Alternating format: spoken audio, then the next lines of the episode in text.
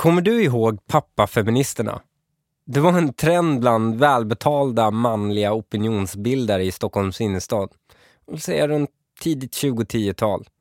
Fenomenet fick stort medialt genomslag runt 2016. Krönikörer som befann sig mitt i den mest intensiva woke-vågen. De kom ut som fullfjädrade feminister över en natt. Efter att just denna natt blivit fäder till en dotter. Detta ord erhöll sån betydelse att det till och med inkluderades i Svenska Akademins ordlista. När de här krönikörerna och professionella debattörerna, när de kläcktes ur sin larvpuppa och bredde ut sina färggranna feministfjärilsvingar över tidningssidorna, så hävdade de med allvarliga ansikten att de var feminister. Precis samtidigt som Feministiskt initiativ var det mest upphetsande som fanns i svenska medier. Intressant, eller hur? Mycket opportunt. De framstod kanske inte som helt äkta, något de mer verkliga feministerna reagerade starkt på.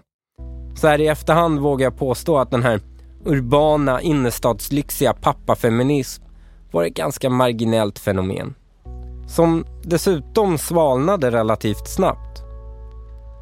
Men det finns en annan sida av föräldramyntet som är både mer genuint och intressant. Och det är inte sällan också en reaktion på att få just en dotter. De som blir auktoritära, eller som jag väljer att kalla det, pappafascister. Du lyssnar på Tala ut i fokus med Hanif Bali.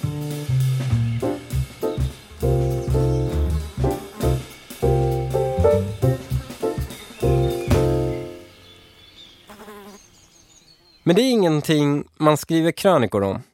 Jag har snarare sett det växa fram i det tysta bland vänner och bekanta de senaste åren. Jag har ett exempel, min kompis Erik, som egentligen heter något annat. Erik var extremt anti-auktoritär som ung. Han tillhörde den liberala falangen i MUF och både i liksom livsstil och politiskt. Han ogillade statens maktspråk starkt. Jag minns att vi var ute på Södermalm en sommarnatt för ungefär 15 år sedan. Utanför Debaser får vi syn på två ordningsvakter som brottas med en man. Det såg ju såklart ganska brutalt ut men bara några meter bort ligger en kniv som vakterna med livet som insats lyckats vrida ur den berusade våldsverkarens hand. Det var med andra ord ingen direkt tvetydlig situation. En berusad man med kniv nedbrottad av ordningsvakt. Dagen efter vaknar min vän Erik i soffan hemma. Han vaknar upp i sina kalsonger med datorn på magen och när han slår upp ögonen så ser han sökresultatet på termen anmäla övervåld väktare.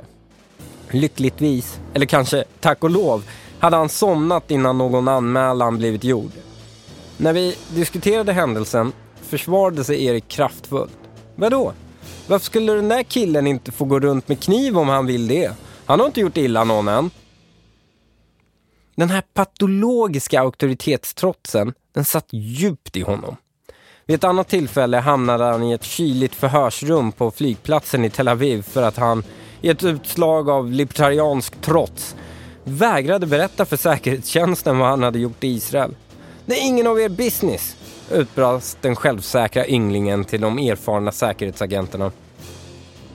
Efter fyra timmars intensiva förhör från israelerna, återigen bara i sina kalsonger, bröt han samman och började gråta.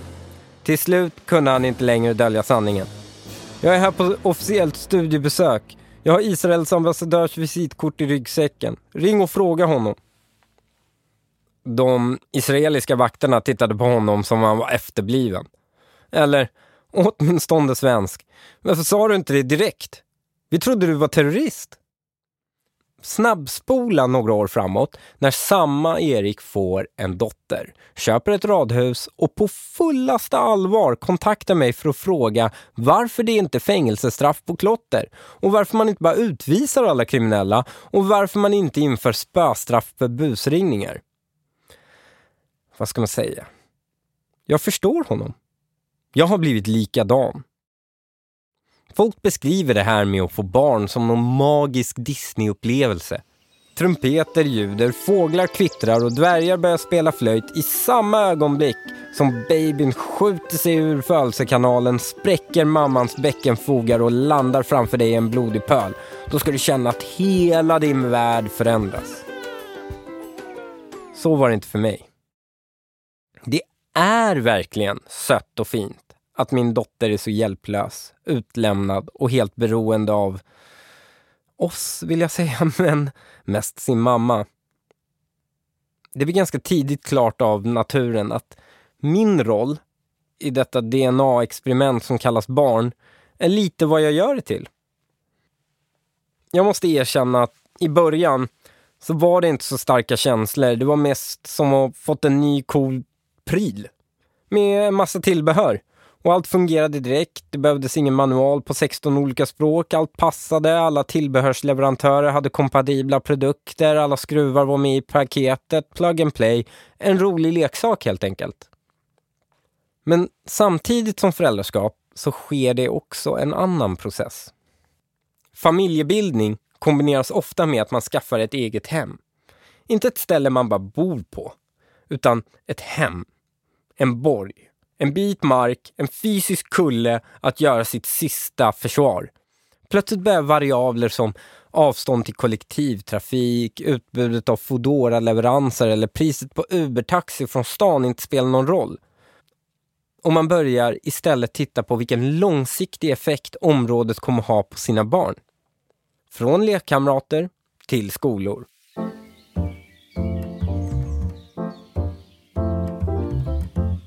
Dr. Russell Barkley, en av världens främsta forskare på ADHD, som har skrivit 27 böcker och 280 vetenskapliga artiklar och vars forskning citerats över 90 000 gånger, förklarar det här på ett genialt sätt.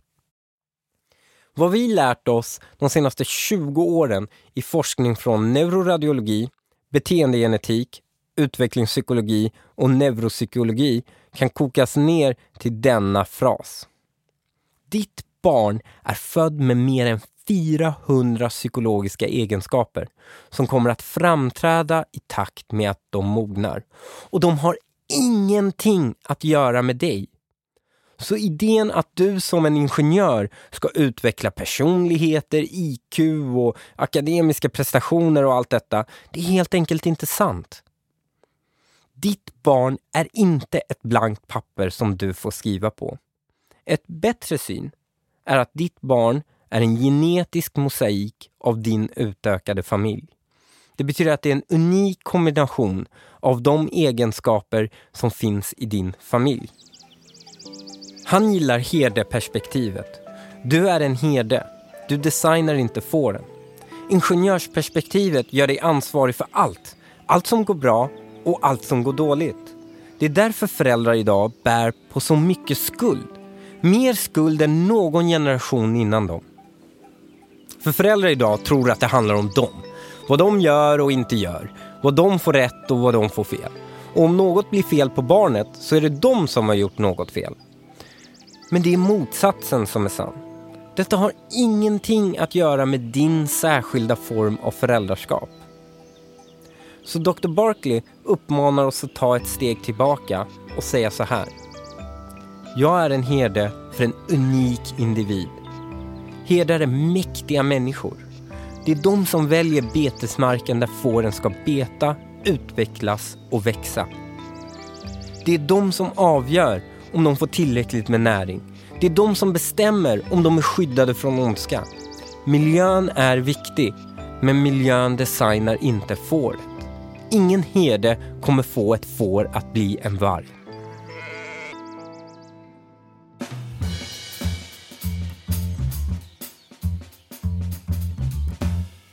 Det sägs att vi män statistiskt börjar älska våra döttrar först efter tre månader. Det är först då verkligheten verkligen sjunker in. Det har nu gått sex månader sedan jag fick baby Gru. I morse när jag lämnade henne hos sin farmor så var det första gången hon inte bara hade fokus på sin leksak utan följde mig med blicken varenda steg jag tog tills jag satte mig i bilen. När jag gjorde den där U-svängen så följde hon mig med blicken genom vindrutan och vägrade släppa mig ur sikte. Det är klart det gör något med människor. Under min tid i livet innan jag blev pappa så fick man på sin höjd höra om förlossningsögonblickets magi återberättat för sig. Men det ingen berättade om är att ens kärlek till ens barn vida överstiger styrkan av någon kärlek man känt tidigare. Det är nu man inser att ens barn inte på något sätt kan förstå hur mycket man älskar dem och att de är inkapabla också att älska dig lika mycket tillbaka. Även om man räknar ner timmarna tills det är läggdags så börjar du sakna dem så det gör ont så fort de somnar. Jag tror att jag är i kapp min oxytocindopade fru i mina känslor för mitt barn. Så nu står jag här som en herde och ska välja vilken grönska mitt älskade barn ska växa upp i. Och jag gör det som en nykläckt fascist. Ja, alltså pappa-fascist.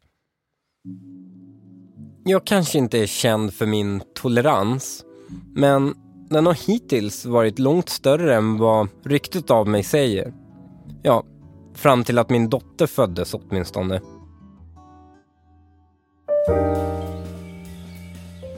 Vill du veta hur det slutar? Du kan låsa upp resten av berättelsen här i din poddapp. Då får du också en prenumeration på magasinet Fokus och tillgång till de andra rafflande avsnitten av Tala ut. Missa inte det. Vi hörs!